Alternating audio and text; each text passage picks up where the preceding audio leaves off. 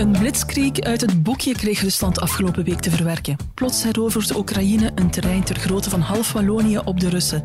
Waar kwam dat vandaan? Maar vooral, wat betekent dat? En het Europese prijzenplafond voor gas is er niet gekomen. Nochtans had onze eigen federale regering dat wel zo aangekondigd. Hoe pijnlijk is dat? Mijn naam is Anne van den Broek en dit is Lopende Zaken.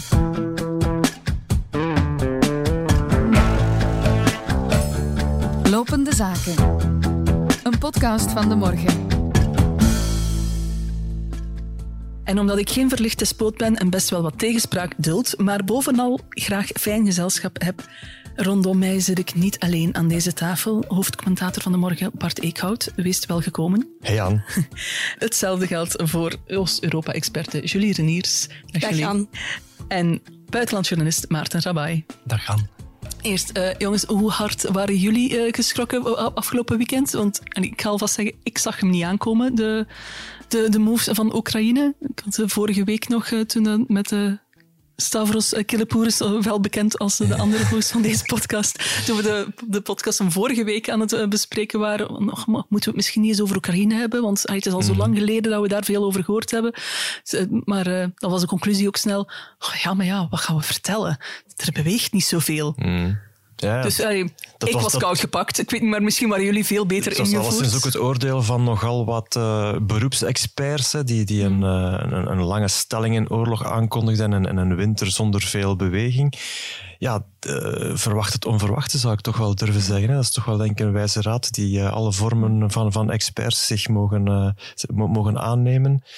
Het is van op een afstand bekeken, en het klinkt misschien een beetje onrespectvol, eh, wel opwindend eigenlijk op een manier. Er, er, wat- daar gebeurt, dat, dat is toch een, een, een, een militair manoeuvre dat we toch niet vaak gezien. eh. Maar jij had, jij had het dus ook niet zien aankomen. Nee, ja, het is achteraf. Let vooral op voor experts die nu vertellen dat ze, dat ze het allemaal hadden zien aankomen, dat het helemaal niet verrassend was, want dat zijn de gevaarlijkste. Ja, ik denk dat hier later nog wel eh, heel veel over geschreven zal worden hoe men dit heeft voorbereid. Want eh, er wordt nu eh, ook ervan uitgegaan dat men eigenlijk eh, dit maanden heeft eh, voorbereid. Ehm, Ja, in wel combinaties met de? Amerikanen en, en de Britten. En, ook, in combinatie met de Amerikanen en Britten. En eh, ja, er worden zelfs parallellen getrokken met eigenlijk eh, de misleiding die men in de Tweede Wereldoorlog heeft gebruikt om bijvoorbeeld eh, D-Day te laten plaatsvinden in eh, Normandië, terwijl men Hitler deed geloven dat het in Calais zou zijn. En, en eh, dat is toen gepaard gegaan met een grote operatie waarbij dat verkeerde informatie werd gevoed, verkeerde manoeuvres werden uitgevoerd om ze op een dwaalspoor te zetten. ja, ja. De realiteit is eh, spannender dan de fictie eigenlijk. Want het Altijd. klinkt bijna, het klinkt bijna als, als een filmscenario, hè, maar, dan, maar dan toch nog iets verrassender. Zo. Ja, wat je net zegt, Bart, van, eh, het, is, eh, het, het is eigenlijk ook wel een klein beetje opwindend. toch zeker ja, voor Mhm. journalisten, die vinden dat vinden rampen altijd tof natuurlijk. Ja, dat is nu, we moeten misschien beetje overdrijven. het gaat over echt wel eh, brutaal oorlogsgeweld. Hè. Moet je Uiteraard. niet vergeten. Uiteraard. Maar ehm, dan is het, het, het opwindende daaraan is natuurlijk van hoe gaat dit nu verder evolueren? Hè? Mm, En kijk je nu naar mij omdat ik het antwoord moet geven op die vraag? De grote, verlicht, de grote verlichting verwacht ik van jou, ja. Alle, ja, nee, sorry, alles is mogelijk. Ik, ik, wat, wat kan ik anders zeggen? Eh, enerzijds heb je dan ook weer die typische expertenneiging om te zeggen, ja, voorzichtig zijn. Het is nog maar altijd een procentueel een klein stukje. Er kan nog heel veel gebeuren. Er is nog altijd die nominale overmacht van, van de overzijde. Maar anderzijds... ja, is hier toch, heb je toch het gevoel dat hier een soort eh, kaart weggetrokken is uit een kaartenhuisje. En dat het, eh, ja, dat, dat, dat Russische leger eh, toch een, een, van een kwetsbaarheid getuigt ja, die wij alleszins niet verwacht hadden. En die dus ook wel verstrekkende gevolgen kan hebben, hè? ook, ook in. Rusland zelf. Ik heb ook begrepen dat het twee, eigenlijk twee grote kanten uit kan nu. Hè. Net omdat die kaart daar is weggetrokken. Sterke analyse. Dus dat, ofwel dat je toch onder een onverhoopte onder, onderhandelde oplossing nog geraakt. Of ja, dat, het gewoon nog veel erger wordt. Dat eh, Rusland voor de totale mobilisatie gaat. Ja, ik denk dat eh, sowieso de, ja, de winter die En dus eraan eigenlijk komt... van die speciale militaire operatie die ze nog altijd volhouden, een echte oorlog maakte. Ja. Dat is eh, zeker mogelijk. De, de wintermaanden zullen beslissend zijn, omdat het eh, ja, slagveld, om het zo te zeggen, dan letterlijk zal bevriezen. Dan zal, eh, zullen zowel Oekraïne als, als Rusland ja, Oekraïne zal zich willen blijven herbewapenen. Uh, daarom vragen ze ook zwaar, nog meer zware wapens uh, nu aan, aan, aan de NAVO-lidstaten. Maar Rusland kan inderdaad alle kanten op gaan. Ze kunnen in algemeen mobiliseren. Er zijn een aantal signalen die dat aangeven, dat daar voorbereidingen worden getroffen. Um, maar anderzijds uh, zit Poetin natuurlijk ook met uh, de, de situatie dat er bodybags, uh, heel veel bodybags het land binnenkomen. Ja. Dat hij ook internationaal ja, in zijn allianties toch een beetje onder druk komt te staan. Er was gisteren die belangrijke top met Xi Jinping. Mm. En, Chinese uh, president. Ja, En hij heeft eigenlijk uh, ja, China nodig als hij de oorlog wil verder zetten, omdat door de sancties uh, is er, zijn er heel veel chips, halfgeleiders die hij nodig heeft voor, voor zware wapens niet meer beschikbaar. En dus daarvoor moet hij naar China kijken. Mm -hmm.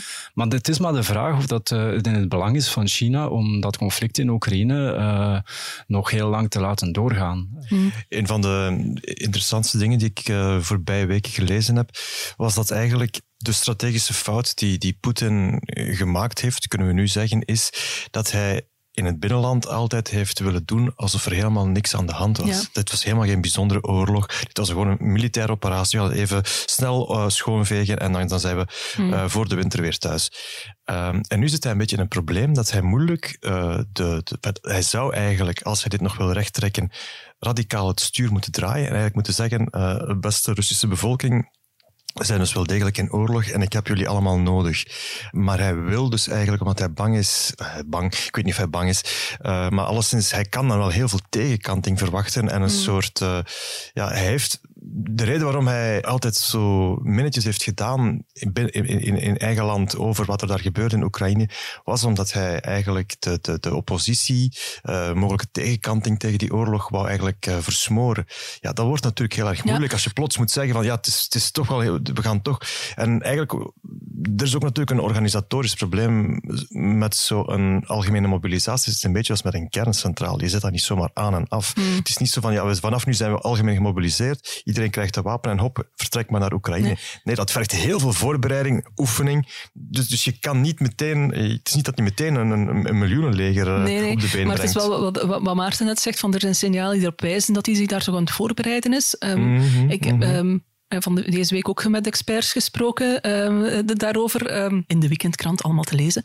um, en dan uh, een van de dingen dat, dat daar uit naar boven komt, is dat Kijk, het is niet toevallig dat die staatszenders nu ook kritiek beginnen te uiten. Want -hmm. daar is deze week heel veel rond te doen mm -hmm. geweest ook natuurlijk. Hè, dat er op de, dat is op de Russische staatstelevisie nu voor het eerst is toegegeven. Ja, er worden er verliezen geleden. Het loopt daar misschien toch allemaal niet zo lekker eh, in Oekraïne.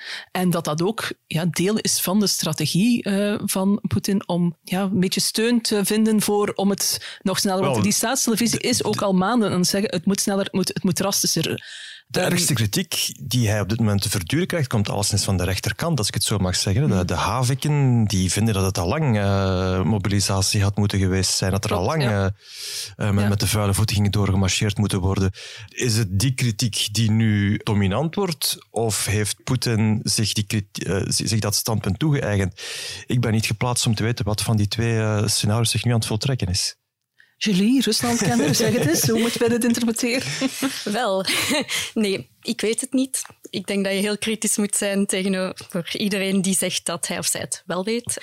Maar mijn indruk is dat die, die hele luide minderheid van extreem nationalisten die... Uh, ja, die vinden dat, we dat, dat er serieus doorgeduwd moet worden, dat echt voluit oorlog met alles wat ze hebben moet worden.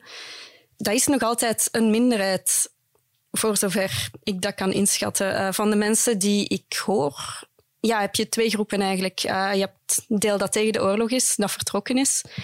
Je hebt een ander deel dat uh, gewoon ja, zijn uiterste best doet om die oorlog te negeren. Ja. ik weet, Anne, jij, jij zei mij gisteren in voorbereiding voor dit gesprek van... Denk eens na, um, kun jij iets zeggen over hoe de mensen in Rusland kijken naar die shift op het slagveld? Mm het antwoord dat ik kan geven is, um, ze willen het er niet over hebben. Ze, hmm. ze doen alsof ze het niet weten. Ze, ze, ja, ze zijn gewoon bezig met hun eigen, uh, ja, hun eigen leven te leiden. Dat is al moeilijk zich, genoeg. Ja, ja, ze schermen zich af van het nieuws. Is er toegang tot laten... nieuws? Als je het wil weten, kan je het dan ja, weten? Sowieso, sowieso. Ja. Um, we hebben hier niet te maken met een derde wereldland. Zeker zo de, de generatie van 40 en jonger, die weten hoe een VPN werkt. Ehm, ja, je ziet dat zelfs. Ik was uh, gisteren op een paar Russische sites. Bart weet niet hoe het VPN werkt. Ik, ben, ik, ik, ik behoor ook niet meer tot de generatie van 40 en jonger. um, ja, ik, ik was gisteren ook naar een paar Russische sites gaan surfen, waar je hier dan soms ook een VPN voor nodig hebt, omdat er een aantal geblokkeerd zijn. En uh, op, op sommige sites waar ik uitkwam, is gewoon de standaardmelding van uh, deze site werkt niet via VPN. Dat zijn Russische sites, telecomsites en zo, die die boodschap daar hebben staan, omdat er gewoon zoveel mensen zijn die VPN gebruiken. Um, dat is dan niet per se om, om nieuws op te volgen. Dat is om aan Facebook te kunnen, om op Instagram te kunnen. Omdat heel veel mensen via die social media uh, gewoon hun kleine bedrijfjes runnen. Dus ja, ze, ze kunnen het wel weten. Maar uh, ja, ik heb, ik heb dat ook gezegd in de eerste keer dat ik hier zat, helemaal aan het begin van de oorlog, van niemand of de grote meerderheid had helemaal geen zin in die oorlog. Mm -hmm. um, dat vertaalt zich niet in, in, gigantische protesten, want er is tegelijkertijd ook dat gevoel van, ja oké, okay, de situatie is nu zo en bon. Ja, plus de angstcultuur ook, denk ik, nee? Ook dat. Uh, ja. En ja, toch, toch wel een beetje dat patriotische gevoel, wat totaal misplaatst is in mijn gevoel, maar bon, ik ben geen Rus. Van uh, ja, kijk, het is nu zo, we staan aan de kant van onze kant. Bon. Hmm. Um, er was bijvoorbeeld in, in Rusland waren er uh, protesten van gemeenteraadsleden in zowel Moskou als Sint-Petersburg. Hoe, hoe betekenisvol is dat? Want dat, dat was toch al een hele tijd geleden dat er echt politiek protest was ook. Uh. Goh, ja, je, je, je ziet eigenlijk al, al een hele tijd dat de oppositie er wel nog altijd in slaagt of slaagde vertegenwoordiging te hebben op die lagere districtsniveau in de steden. Ik zou ook niet zeggen dat dat super nieuw is. Er zijn de voorbije maanden een hele hoop mensen achter tralies gezet ook.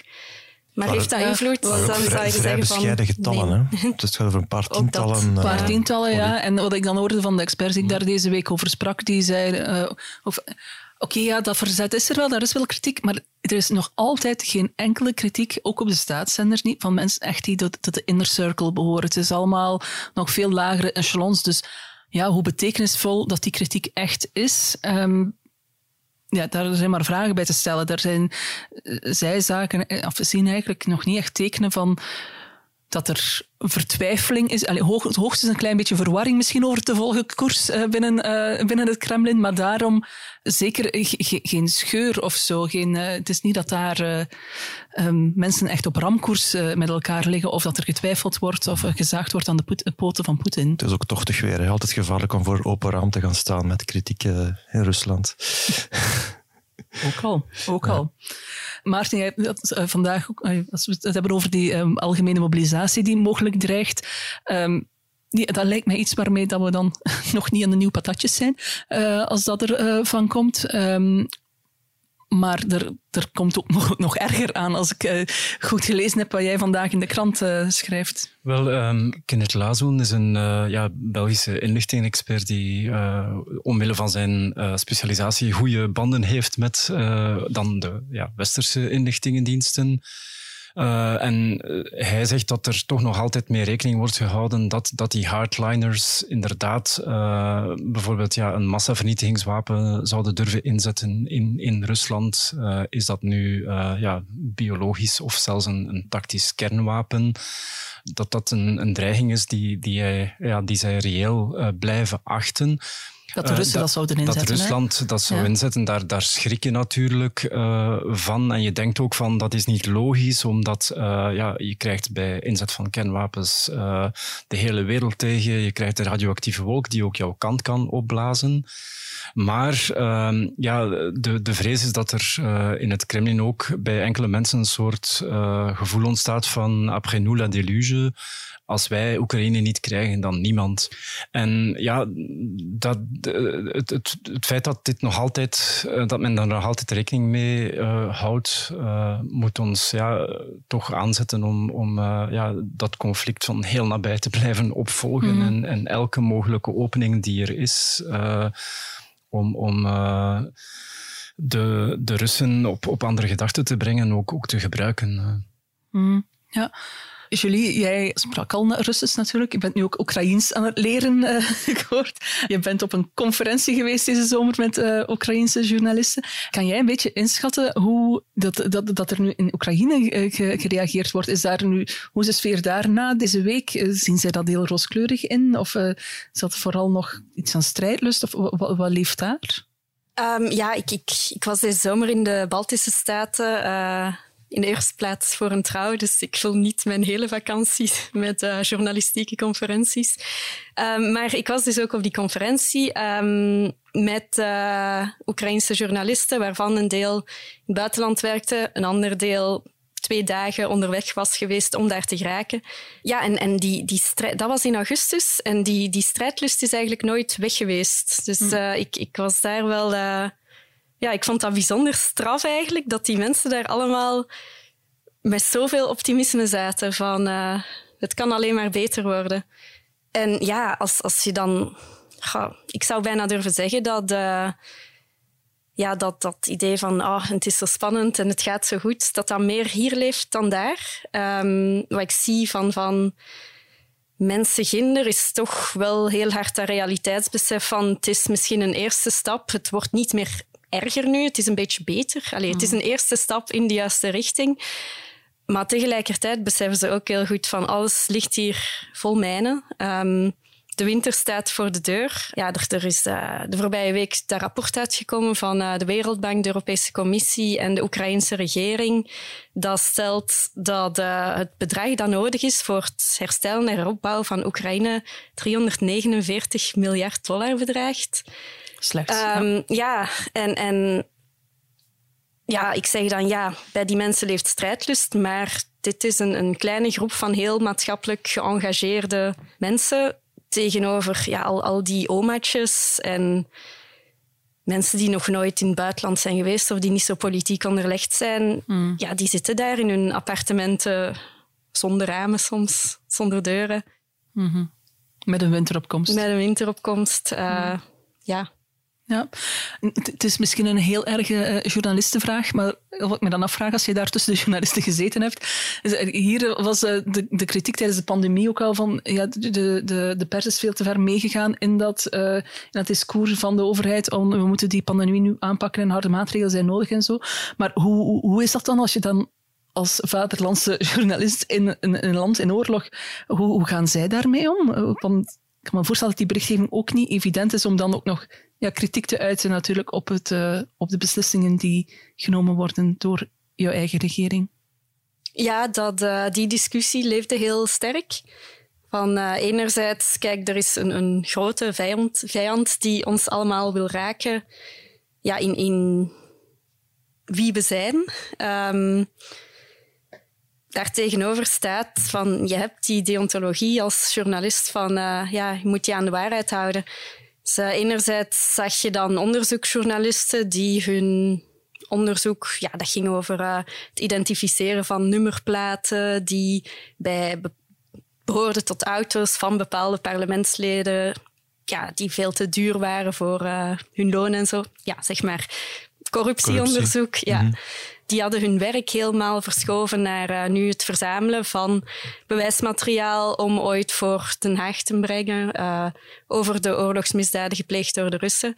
Anderzijds heb ik een, een jonge journaliste ontmoet die echt een hele grote indruk heeft nagelaten.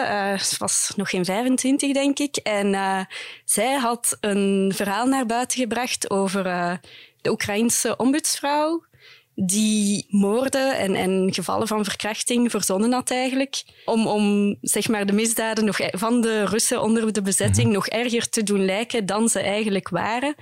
En daarnaast had, uh, ja, had ze ook uh, geld van de VN aangetrokken om zelf een psychologisch hulpcentrum op te zetten. Om, om mensen die onder de bezetting geleefd hadden bij te staan. Um, dat hulpcentrum bestond, maar uh, deed niet zo heel veel. Ja. zij had dat naar buiten gebracht en zij had uh, heel veel tegenwind gekregen. Mm -hmm. Waar is, ja, ook wel, ja, het land is in oorlog, wordt bedreigd. Wat te begrijpen is. Dus het idee was van, ja, kijk, je mag dat niet gaan zeggen. Ze gaan dat niet begrijpen in het buitenland. Daar gaan ze denken van, ja, zie je, Oekraïne is toch maar uh, een, een, land waar het niet loopt zoals het nou ja, dan ben je een nestbevuiler eigenlijk. Ja, je gaat onze steun ondergraven. Um, maar uh, zij en, en haar, haar, hoofdredactie stonden heel recht in hun schoenen en, en zagen de zaken zoals ze horen te zijn. Um, zij zeiden van, nee, wij moeten ons werk doen als waakhond van de democratie. Wij moeten dit aankaarten, want ja, alleen zo bewijzen wij eigenlijk mm waar we voor staan en, en waarom wij anders zijn dan het Russische regime. Um, dat vond ik heel sterk, dat je toch in, in die gigantische bedreigende situatie uh, nog altijd die democratische waarden kan aanhouden. Ja. ja. Maar, maar, ik moest nog iets aan denken, aan iets denken wat jij net zei. Um, zei als... Um, dat we de situatie goed in de gaten moeten houden, van eh, hoe, dat, hoe dat nu verder evolueert. Uh, zeker alleen met al die dreiging die er nog misschien zit aan te komen. Maar is er dan een manier waarop, we daar, um, waarop het Westen of waarop Europa zich daar tegen kan wapenen? Tegen een verdere escalatie die misschien ook ja, verder dan Oekraïne meer westwaarts gericht zal zijn? Ja, wel, eh, we kunnen ons, denk ik, uh, ja, Oekraïne moeten we uh, nu net meer dan ooit, denk ik, gaan, gaan steunen. ook nog, we moeten die militaire steun wel aanhouden en, en niet doen alsof we nu uh, met dat grote offensief het allemaal achter de rug is. Uh, ik denk dat het heel belangrijk is dat, dat die Oekraïnse strijdkrachten uh, sterk genoeg zijn om, om na de winter dat signaal te geven aan Poetin van ja, kijk, hier kom je niet meer door. Um, maar anderzijds is er ook steun nodig aan, aan, aan Oekraïne bijvoorbeeld om, om ja, die, die winter door te komen, steun aan de rechtsstaat. Um, en, en zoals dat uh, Julie ook terecht aangaf, uh, aan de vrije onafhankelijke pers. Um, maar wat, wat wij hier in het Westen niet mogen vergeten ook, is dat Rusland ook voor ons nog altijd een, een uh, zekere bedreiging kan vormen, zeker op vlak van zogenaamde hybride dreigingen. Uh, dus dat gaat dan van zeer grote cyberaanvallen tot en met regelrechte sabotage. Dat hebben ze in het verleden al, al uitgevoerd. En um, nu ze in het nauw zitten, uh, valt het niet uit te sluiten dat ze ook hier uh, verwarring zullen willen zaaien, net om uh, te voorkomen eigenlijk dat, dat wij ons in de, in de komende maanden gaan focussen op Oekraïne. -hmm. En dat, dat is een heel breed palet aan, aan acties die, eh, die zij kunnen ondernemen, gaande van, van ja, fysieke sabotage uh, tot en met ook uh, heel gesofisticeerde desinformatiecampagnes. En, en uh, dat hebben ze in het verleden ook al bewezen, dat ze via ja. sociale media bijvoorbeeld onrust in een land ja, versterken. het is niet dat, dat zij daarachter de toetsen zitten en dat veroorzaken. Dat is natuurlijk helemaal niet zo. Maar wat ze wel doen is met, met internettrollen bijvoorbeeld uh, bepaalde uh, onvrede gaan uitvergroten mm. uh, en, en via sociale media ja, ons, ons eigenlijk polariseren. Ja. En wat, wat dat betreft zou je kunnen zeggen dat de, de nieuwe manoeuvres op een goed moment zijn gekomen, omdat je wel voelde, ja, bij ons speelt natuurlijk vooral die, die energiecrisis, de prijsschok, waar we het mm. straks ook nog gaan over hebben.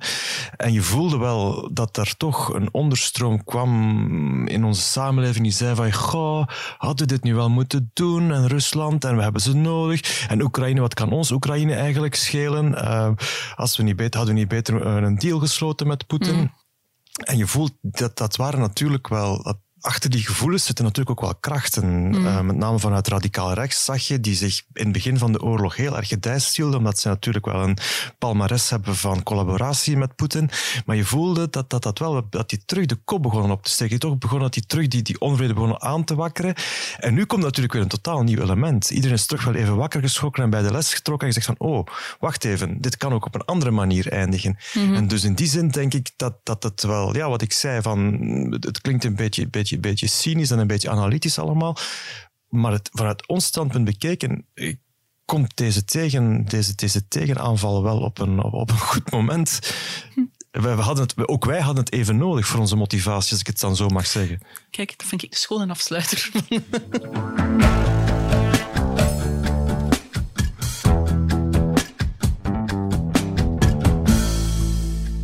een prijsplafond dat ingevoerd wordt op, op Europees niveau zou eigenlijk 770 euro per jaar van de factuur kunnen halen. Het duidt ook eigenlijk op uh, hoe ernstig dat het probleem is en vooral ook hoe grote winsten er gemaakt worden. In Europa mogen we vandaag maar één prioriteit hebben.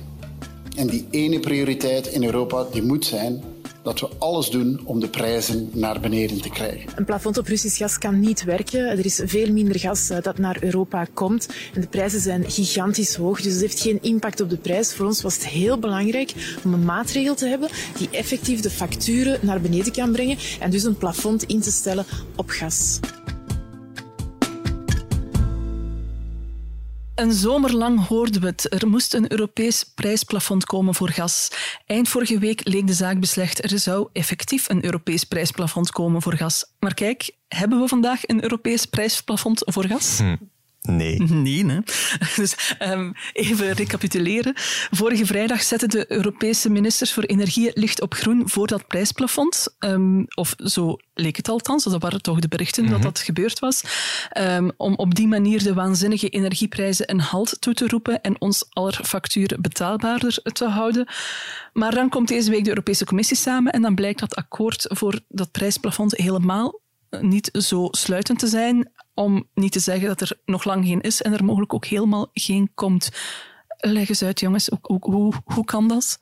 Wel, ik, ik, ik denk dat, um, dat we uh, een beetje te lang onze ja, wensen voor, voor uh, werkelijkheid hebben gehouden. Uh, in de zin dat iedereen keek, ook na onze nationale regering, keek naar Europa. En de Europese Unie werd naar voren geschoven als een, een deus ex machina die dat allemaal wel even zal regelen na het zomerreces. Maar zo werkt de Europese Unie natuurlijk niet. Energie is ook nog altijd ook een bevoegdheid van de nationale lidstaten grotendeels. Uh, ook al heeft de commissie heel veel instrumenten uh, deze dagen. Ja, ik, ik denk dat het, de intentie van een, van een prijsplafond en, en het uh, ja, werkelijk uitvoeren, daartussen zitten gewoon vele, vele maanden, omdat we spreken hier over langdurige contracten met, met energiemultinationals. Uh, waaraan gewrikt mm -hmm. zal moeten worden. Uh, zoals ik zei, ja, elke lidstaat heeft, heeft uh, nog een ander energie beleid. En, en uh, ja, je verandert dat gewoon niet van het ene op het andere moment. En, en politici die ons hebben doen nee, geloven maar, dat dat wel zo kon, denk ja, ik. Uh, vooral, van, hoe komt het dan dat we eerst dat het weekend uh, leek alsof er wel een akkoord was, dat er, dat, dat er wel dat plafond ging komen en dat dat nu dan toch niet het geval is? Misschien hebben de, de, de ministers van Energie van in een Europese raad zich een beetje vergist in, in, in hun werkelijke macht binnen het Europese politieke mm. bestel. Uiteindelijk, wat zij gedaan hebben, dus een meerderheid van hen vond dat er een, uh, een, een, prijsplafond moest komen dat verder ging dan alleen voor Russisch gas. Um, dat was inderdaad een, een, een, stap vooruit in vergelijking met uh, zeg maar het begin van die vergadering. De volgende stap is dat zij dan ook inderdaad aan de Europese Commissie vragen van maak daar nu eens werk van. En dan heeft de Europese Commissie die daarboven staat in haar wijsheid beslist dat dat prijsplafond niet de grootste prioriteit was omdat daar evident een aantal ook risico's aan zitten waar een aantal uh, lidstaten niet, uh, niet aan willen beginnen. Met name uh, het risico dat, dat, dat je, je, je bevoorrading hmm. slap of verlamd raakt. Hè, omdat een aantal uh, leveranciers uh, zeggen van goed, als jullie, als jullie alleen maar die prijs willen betalen, dan gaan we wel op een ander.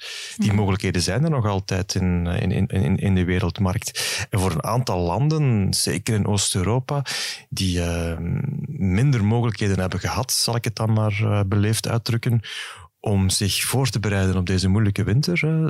Landen zoals Bulgarije, die echt nog echt heel erg afhankelijk zijn van met name Russisch gas is dat echt een, uh, een schrikbeeld. Mm. Dat er uh, in de al heel moeilijke bevoorrading, dat er door uh, eigen beleid, dat ja. daar nog grotere problemen in zouden ontstaan. Dat lag in België wel iets anders, hè? want uh, als er iemand uh, heel mm. erg uh, geroepen heeft voor dat Europese prijsplafond, dan zijn het premier ja. Alexander de Croo en minister van Energie Tine van der Straten, die ook naar eigen zeggen, al weken zeggen van wij zijn de forsing aan het voeren. Mm. Um, de Croo op, op het vlak van de, um, ja, de, de, Europese leiders natuurlijk, en um, van der Straten van... bij de ministers, energieministers. Het is niet helemaal gelogen, maar het hangt wel denk ik nog altijd een beetje af van land tot land. En als je een krant in een ander land gaat lezen, ga je, ga je daar ook lezen dat de lokale minister zich heel erg heeft sterk gemaakt voor dit of dat, uh, deze of gene maatregel. Dus dat, dat soort wat patriotistisch, nationalistische kant. Valt zit altijd, met een, in. ook een ja. korrel zout uh, te mhm. nemen wanneer uh, dat er zoiets ja. gezegd wordt, uiteraard. Ja.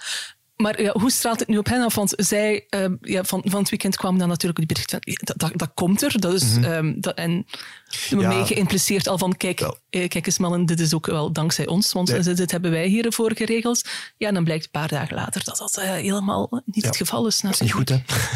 nee, nee, nee. nee, nee. Je, ik, ik, hebben zij het vel van de beer verkocht voordat hem geschoten was? Of um, hoe moeten we dat zien? Jawel, en um, zeker hun partijen. Uh, hm. Dus ik denk, ik probeer een beetje in hun hoofd te kruipen, want zij weten natuurlijk ook wel dat het wel... En, uh, het hoofd van de partijen of van de Croo en, en, van, van, der Straten? Het hoofd van, van, van de ministers, ja, van Tine ja. van der Straten en premier Alexander de Croo. Wat er eigenlijk um, volgens mij aan de hand is, is dat zij graag, te graag, gretig, te gretig hebben willen tonen aan de bevolking. Wij zijn bezig met jullie zorgen ja. en we gaan, daar, uh, uh, we gaan in actie komen. En kijk, wij hebben uh, dingen bereikt in Europa. Wij komen uit die vergadering. En kijk, wij kunnen u nu zeggen, even op de tanden bijten, maar uw zorgen worden opgelost mm. dankzij ons. Ik begrijp dat je vanuit een soort publieke druk, die een immens moet zijn, mm -hmm. hè, want, want ja, mensen ja, hebben absoluut, natuurlijk heel veel uh, betalingsproblemen. Uh, partijen, politici, kabinetten worden overstelpt met mails van mensen die zeggen ik kan mijn factuur niet meer betalen. Mm. Dus die, die, die, die wil om dat probleem op te lossen zal heel groot zijn. Maar dan hebben ze zich toch een beetje over hun, eigen positie een beetje overschat. Mm. En um, dan komt er een soort propagandamachine op gang, waarin partijen uh, ja, een, een, een soort Europese beslissing gaan op een particratische manier gaan claimen alsof één redelijk kleine partij in Vlaanderen uh, uh, de forsing heeft gevoerd, ja, dan weet je dat je de waarheid al zo aan het oprekken bent dat er, ja, als het dan een beetje tegenvalt, dan, dan, dan, dan krijg je de, bloot komt dan kom je met de binnen. En dat is gebeurd. Ja. En uh, om maar meteen even je vervolgvraag te anticiperen, ook wij in de media hebben daar denk ik een verantwoordelijkheid mm. in. Ik denk dat wij um, te weinig afstand hebben genomen ten opzichte van dat proces dat ik zo net heb proberen te beschrijven. Um, als, ik de eigen, als ik nu even voor de eigen deur veeg, dan denk ik dat het allemaal, dat, wij naar waarheid hebben geschreven van hoe de situatie in elkaar zat, maar dat je wel moet durven vaststellen achteraf dat een, zeker een aantal koppen uh, van, van, van, van, krantenverhalen ja, misschien toch iets te stellig waren. Als je zegt van dat een prijsplatform, een prijsplafond opkomst was, moet je nu ook vaststellen, ja, dat is helemaal niet zo zeker. Mm -hmm. Als je kijkt naar eh, welk parcours die um, de regeringen, maar ook in het bijzonder de federale regering nu, omdat het daarover gaat, gereden heeft in de energiecrisis, dat komt niet bepaald uit de politieke handboeken. Dus dat is niet iets wat, dat, wat je moet ambiëren, denk ik, nee. als politicus. Um, daar, daar, zijn natuurlijk heel veel kantingen, tekeningen en verklaringen voor uh, mm. bij, uh, bij, te plaatsen en voor te geven. Maar um, valt dat nog recht te trekken, imagogewijs, denk je? Want ik weet, twee weken geleden na het overlegcomité over energie was je heel mild. Hè? Dan uh, van, kijk, mm -hmm. we moeten hier toch wel de erkenning geven. Ze proberen er iets aan te doen. de, de dingen die, die, die nu gedaan worden, die, die maken wel een verschil voor een bepaalde groep van de bevolking. Maar als je het nu met een beetje meer afstand bekijkt, um, Wel, ik ja, denk hoe, dat hoe komen je, ze eruit? Als we nu echt puur even kijken naar, naar de positie van de federale regering, want daar hebben we het dan nu even over. En dat is dus al een heel, dat is eigenlijk maar een stukje van de hele taart. Maar goed, even over de federale regering. Je kan er niet omheen dat er een verschrikkelijke olifant in die kamer staat van het energiebeleid. En dat is dat net, en dat is het toeval van het noodlot, net op het moment dat die energiecrisis zijn hardste winter ingaat, mm. gaan wij een kerncentrale sluiten. Ja. Dat, dat, dat valt eigenlijk niet, dat valt niet uit te leggen. Het valt wel uit te leggen, ik wil zelfs een poging doen om het uit te leggen. Maar, maar het, het komt weer kan... van, van, van dat filmscenario. Hè. Dat is uh, echt de, real, ja. de realiteit overtrekt alle, overtreft alle mogelijke fictie. Zeggen, Alles komt samen. Ik kan het uitleggen, maar je kan niet verwachten van mensen dat ze het begrijpen. Ja. Um, maar want, leg het toch eens uit, Bart. Wel, Tine van de Straten is als bevoegd minister in deze regering gestapt, uh, eigenlijk met één belangrijke opdracht voor haar eigen partij, in overeenstemming ook met wat in het regeerakkoord stond. Get the deal done. Laten die kernuitstap ordentelijk, deftig, op een verantwoorde manier uitvoeren. En eigenlijk en, en, en zij had daar ook het, zeg maar het, het, het cv voor. Hè. Zij, zij komt echt uit de energiesector. Zij, ze heeft een tijdje gewerkt als energiejuriste. Ze heeft ook jarenlang ervaring in dat dossier. Ze, heeft natuurlijk met een, ze stapt in dat dossier natuurlijk met een heel sterke overtuiging. Hè. Ze is altijd heel erg zelfpersoonlijk ook antinucleair geweest. Goed, dat weet je. Als je met Groene Partij in de regering stapt, dan mhm. kan je je voorbereiden op, op, op uh, antinucleaire standpunt. Dus dat zijn allemaal geen, dat, dat zijn geweldig briljante nieuwe inzichten. Um, en eigenlijk was zij, als je het vanuit haar standpunt, het standpunt van haar partij bekijkt, heel goed op weg om die uh, kernuitstap ook netjes uit te voeren. Ze had eigenlijk een wat vreemde bondgenoot aan de uitbater eh, van de kerncentrales, Engie, die eigenlijk niet liever willen dan zo snel mogelijk van die kerncentrales vanaf te zijn, want dat bedrijf dat zijn eigenlijk de enige kerncentrales die dat bedrijf in heel zijn wereldwijd imperium heeft. Voor de rest dat vooral, zijn die vooral bezig met hernieuwbare energie, gas. Mm. Dus dat is echt een steen in een schoen. Ook met die regering in België die constant van standpunt van ze wil er vanaf. Dus dat was eigenlijk een heel perfecte match tussen uh, uitbaten van de kerncentrales en een minister die eigenlijk die kerncentrales weg wil. Dat was het standpunt. Dus dat leek eigenlijk te gaan gebeuren. En net op dat moment breekt die oorlog uit. En beginnen mensen te denken van, hey, wacht eens even. Die gas die ons moet helpen uh, om, om een energietransitie door te maken zonder kerncentrales, die is niet vanzelfsprekend. Mm En plots moet heel dat perspectief kantelen. En dat zou je nog eventueel kunnen uh, uh, realiseren in oorlogstijd. Maar er is ook zoiets als een technische kant van de zaak. Ik krijg dat gewoon niet meer opgelost. Die, die kerncentrale, die eerste in doel, die, die gaat dus effectief over, wat is het, tien dagen, acht dagen? Ja, zoiets, hè? Um, ja, dicht. En je kan niet zeggen van, weet je wat, we laten het licht nog een paar dagen langer branden. Zo werkt dat niet. Dat is een gigantische veiligheidsprocedure uh, die je niet meer uh, gestopt krijgt. Uh, dus er zijn natuurlijk nog er zijn nog remmen uh, die nu in gang worden gezet. Hè, dat je een aantal operaties die werkelijk doorstart van de kerncentrale totaal onmogelijk zouden maken. Dat gaat dan over het gebruik van een aantal schoonmaakprocedures. Uh, uh, dat, daar kan je nog even mee wachten. Maar dan nog, stel dat je alle wettelijke bezwaren opheft, stel dat je alle praktische bezwaren opheft, dan start je eigenlijk aan een nieuwe veiligheidsprocedure om die centrale terug op gang te brengen die jaren kan duren. En dan moet je er nog van mm. uitgaan dat er niet te veel uh, scheurtjes, mag ik het niet noemen zeker, maar dat andere dingen uh, achter het behang ontdekt worden in die reactoren. Eigenlijk is het een gepasseerd station waarvan niemand nog durft zeggen het station is gepasseerd. Ja, waardoor het dus ook heel moeilijk is om daar nog uit te geraken, imagogewijs. Um, dat denk ik wel, ja. ja, Om, omdat het zo'n krachtig symbool is. Ja, dat is een heel goede poging om het mooi uit te leggen, moet ik zeggen. Um, maar mensen ja, mensen, wij ook, behalve dat het ook onze job is om daarmee bezig te zijn, hebben daar eigenlijk heel weinig boodschap aan. En waar, het enige waar die mee bezig zijn is dan, wat wordt mijn factuur straks? Hoe, hoe ga ik dat nog, uh, hoe ga ik die kunnen betalen? Hebben jullie al uitgerekend op de, op de site van de vraag wat uh, die eindafrekening gaat worden? Op, op nee, hoe, hoe dramatisch het gesteld is? Ik durf niet. Uh, wij hebben alleen nog maar uh, gezien hoeveel per kilowattuur dat we extra dat het uh, verhoogt. En het is maal vijf en maal zes voor elektriciteit en gas. Ja, dat is al stevig, hè? Ik heb op eigen houtje mijn, mijn, mijn voorschot verdrievoudigd. ik hoop dat dat iets doet, maar ik... bracing mm. for impact. Ja, um, want ik denk dat bij heel veel mensen nu leeft, is eh, als je heel die politieke discussies op Europees niveau, op uh, Vlaams, uh, federaal, want er worden ook Vlaams en federaal nu wel weer uh, maatregelen in het vooruitzicht gesteld. Maar daar wordt ook wel weer heel veel voor gebakkenheid en, um, enzovoort. Dus ik denk dat heel veel mensen denken, um, ja, als er iets moet gebeuren, dan, dan zal ik het maar zelf moeten doen. Dus die ook daar al niet meer te hard op vertrouwen. Wel, wat, wat, horen jullie uh, rondom jullie? Wat?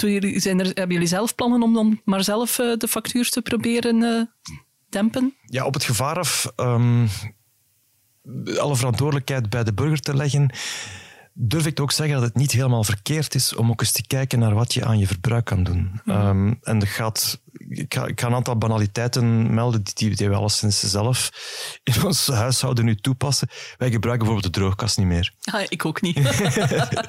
dat zijn... Dat, ook niet. dat, dat ik gaat, heb er geen. Uh, voilà, kijk, eens aan, dat is natuurlijk nog beter. Of, ik heb ook voor mezelf uh, voorgenomen, uh, lichtbad, dat gaan we niet meer doen. Uh, dus een, een, korte douche, dat, mm. zal dat, dat, zal ook wel... Dat soort dingen kan je wel doen. Dat is eigenlijk nog bij... Maar dat, ik spreek nu ook, en dat moet ook heel eerlijk zijn, toch een beetje een geprivilegeerde situatie... Um, uh, natuurlijk zijn er mensen die, die uh, ja, veel minder, en daar zit toch echt wel de grote problemen, mensen die gedwongen worden om te wonen in ja, vaak gehuurde uh, mm -hmm. panden, waar, waar slecht, de, geïsoleerd. slecht geïsoleerd, waar je helemaal die luxe niet hebt om, om, om, om, om een aantal snelle ingrepen te doen in, in, in, je stroomverbruik, je gasverbruik. Um, dus daar zit echt wel, wel, wel, daar zit echt wel, wel ernstige problemen. En dat de regeringen proberen uh, om, om daar de, de, de, het, het leed te verlichten, ja, dat lijkt me de logica der dingen. Um, of de maatregel die nu in de lucht hangt met een soort, uh, zij noemen het een soort basisprijs, maar dat is eigenlijk niet wat, er gaat gebeuren. Ze gaan een gigantische korting geven uh, aan, aan alle leden van de bevolking en de mensen die op een boven een bepaald uh, inkomensgrenzen zitten, die gaan het later in de belastingen moeten terugbetalen. Of dat dan de juiste maatregel is, ik durf dat eerlijk gezegd betwijfelen. Ik zie daar toch een aantal nadelen.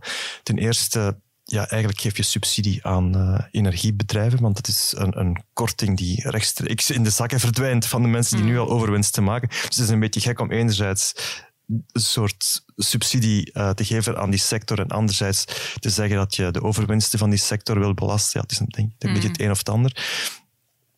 Wat er wat er ook dus bij komt te zijn natuurlijk dat je zelfs zodanig al bespaart dat, dat, je, dat je verbruik minimaal is en dat uh, die tegemoetkoming ja, een extraatje is. Hè? Ja, uh, maar of alleen toch het, het, gewoon helpt om de grootste dingen. Ik vond het wel verstandig wat een aantal economen zeiden van ja, als je het, het koopkrachtprobleem of, of, het, of het budgetprobleem van, van, van gezinnen ja, wil aanpakken, dan zou je eigenlijk beter onrechtstreeks proberen uh, inderdaad dat inkomen te ondersteunen en niet rechtstreeks in die, in, in die energiefacturen uh, ingrijpen, omdat dat één, heel veel geld kost dat de overheid eigenlijk niet heeft. En twee, dat je eigenlijk de prijsprikkel wegneemt en eigenlijk mensen blijft stimuleren om schaarse energie te, te blijven consumeren op een niveau alsof er geen probleem is. Mm -hmm. Ja, ik vroeg me eigenlijk af. Voor mij de, de logische maatregel zou zijn van die overwinsten worden afgeroomd. Mm -hmm. Maar de voorbije week ging het heel erg over dat prijsplafond. Um, een Russische journalist heeft mij gezegd, jullie in het Westen, het is nu al zeven maanden bezig, maar jullie onderschatten Poetin nog altijd. Vanaf het moment dat er zo'n prijsplafond komt, hij snijdt gewoon het gas af. Um, het kan hem niet schelen dat hem daarmee ook in zijn eigen vel snijdt. Dus ja, de, de, het afromen van die overwinsten komt dan naar voren als de logische maatregel. Waarom gaat het daar niet meer over en gebeuren daar dingen?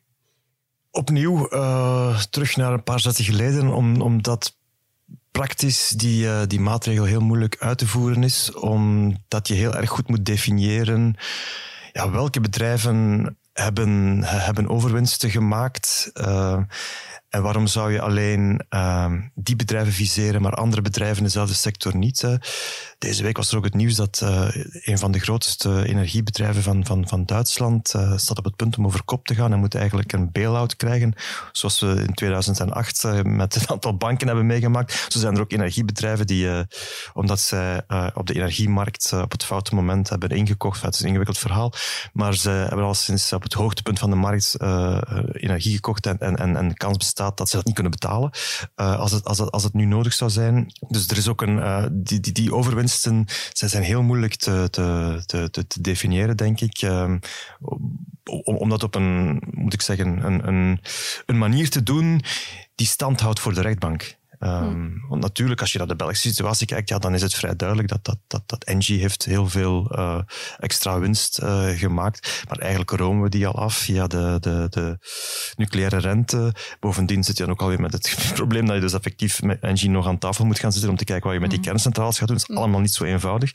Uh, en, en aan de andere kant zit er heel veel, wordt er heel veel winst gemaakt nu in de sector van de hernieuwbare energie.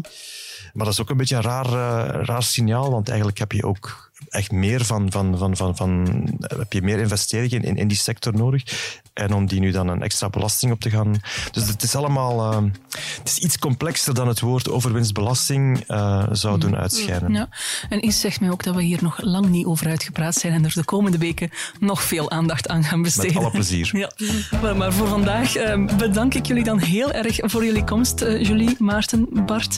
En ook een grote dank u wel aan Dries Vermeulen voor de techniek en de montage. Volgende week zijn we er weer met een nieuwe aflevering van Lopende Zaken. Beluister ook zeker de andere uitstekende podcasts van de morgen in uw favoriete podcast-app. En mailen kan dan meer op podcasts.demorgen.be.